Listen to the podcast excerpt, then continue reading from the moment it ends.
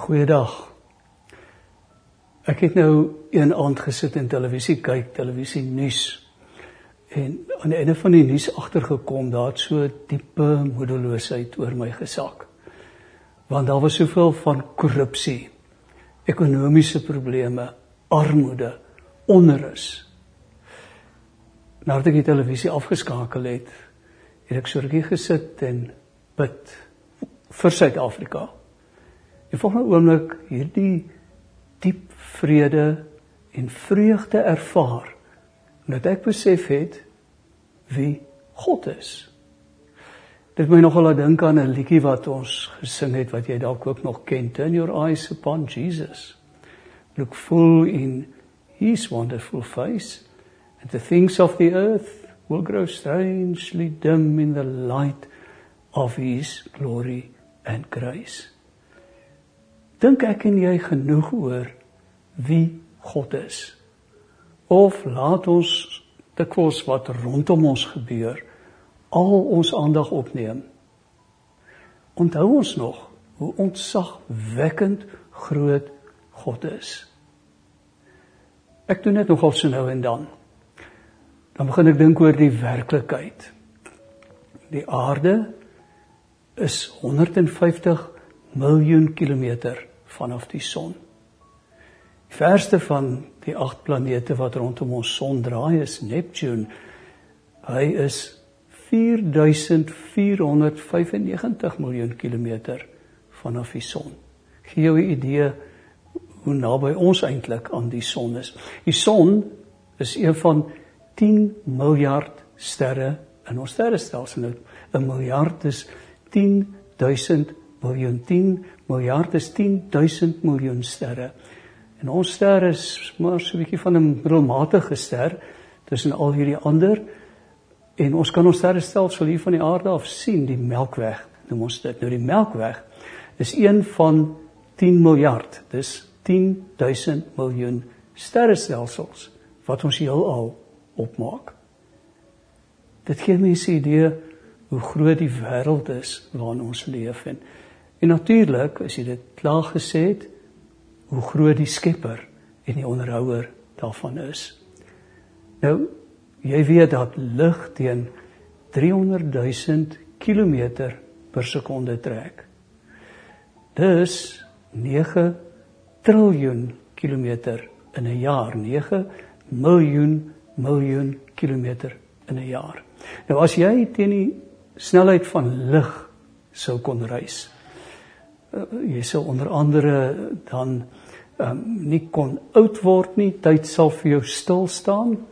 As jy teen die snelheid van lig kon reis dan sal dit jou tyd neem om van die een kant van die heelal na die ander kant te reis 40 miljoen jaar. Of 40 maal 10000 miljoen jaar. 40 miljard jaar neem om van die een kant tot die ander kant te reis as ek dit klaar gesê het en vir myself bietjie probeer het om my kop rondom die grootheid van die heelal te bring dan vind ek myself op my knieë en ek sê hoe ontzagwekkend groot is u.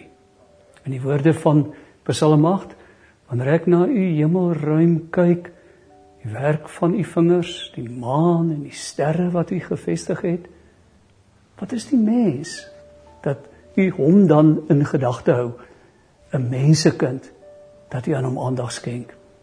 U het hom net minder as 'n god gemaak, u het hom met majesteit en glansrykheid glansrykheid gekroon. God wat groot is in terme van die heelal, hou hy dit alles in sy hand, bestuur hy dit alles. Het die mens baie spesiaal gemaak. Wat is ek, Here? Dat U my raak gesien het, dat U my liefhet, dat U U seun in my plek laat sterf het. Kom ons dink so 'n bietjie aan wat die mens ook bereik het, nê? Nee. Ons gebruik slimfone. Ons het internetverbintenis. Ons het al op die maan gestap. Ons is op pad na Mars. Here, wat U in die mens belê het, U majesteit en die glansrykheid wat U in ons belê het. Ek stel voor wanneer 'n mens oor die grootheid van God dink, dan verander jou perspektief. Want in plaas daarvan om hierdie wêreld met al sy moeilikheid raak te sien, vul ontzag vir God vir jou.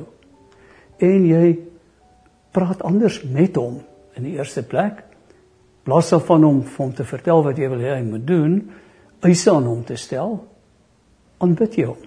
En as jy hom klaar aanbid het vir sy grootheid, dan sê hy sê jy nie Here wat ek van u verwag nie, maar wat verwag u van my? Wat wil u hê moet ek doen?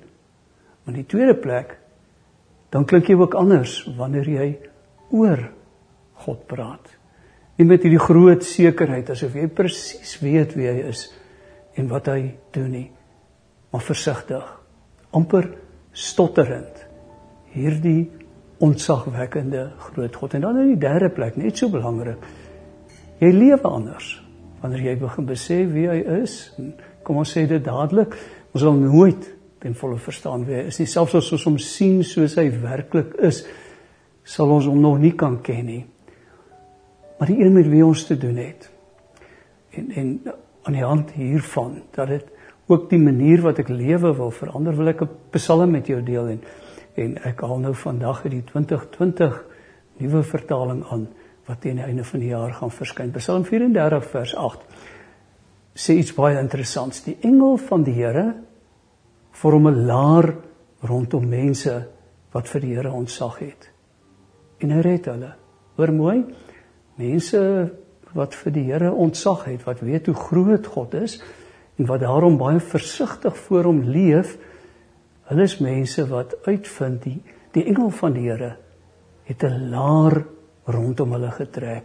Die Here self red hulle. Kyk vers 8 die die hoofletter hy red hulle want die teks verwys na die Here self. Dan vers 12. Ek wil eintlik daarby uitkom. Dit sê kom kinders luister na my. Ontsag vir die Here sal ek julle leer. Ek het nou begin deur te sê Jy kan ontsag vir die Here kry deur te let op die grootheid van die skepping. Maar die psalmdigter sê daar's ook nog 'n manier wat jy dit kan doen.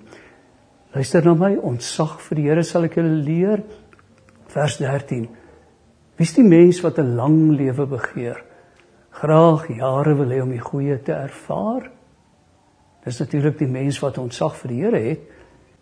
Die psalmdigter sê, ontsag vir die Here bestaan uit die volgende weerhou jou tong van die kwaad. Jou lippe van leuns praat vermy die kwaad. Doen die goeie. Soek vrede en jaag dit na. Dis nou interessant nê? Nee? die psalmdigter wat sê ontsag vir die Here. 'n mens wat ontsag vir die Here het 'n mens wat leef asof ons in hierdie ontsagwekkende groot God se teenwoordigheid is is 'n mens wat ook versigtig leef. Ons leef versigtig in dit wat ons praat. Dis is dit wat ons sê nie dikwels die manier wat ons bydra om hierdie 'n stukkende wêreld te maak nie. Psalmdigter sê hier's die manier hoe om mense teen jouself en ook jouself teen jouself te beskerm. Bly weg van die kwaad. Moenie die kwaad praat nie. Vermy die kwaad. Moenie by leuns betrokke raak nie. Doen die goeie. Soek vrede en jaag dit na. Ek sluit af. Ek stel voor. Kom ons dink gereeld na oor God. Veral as Suid-Afrika of jou lewensomstandighede jou wil inhaal. Dink oor God. Dink oor wie hy is en en wat hy alles verteenwoordig. En dan begin lewe in die oorwinning van God aan wie jy behoort en wat oor alles heers. Kom ons bid saam. Hemelse Vader, ons kom tot U as die Skepper God, die een wat alles onderhou, die een in wie se hand ons lewe, maar ook ons wêreld is, die een wat besluit oor wat in Suid-Afrika gebeur en ook nog in die toekoms gaan gebeur. U wat die toekoms ook van ons planeet in u hand hou. Ons is u kinders. Ons behoort aan u.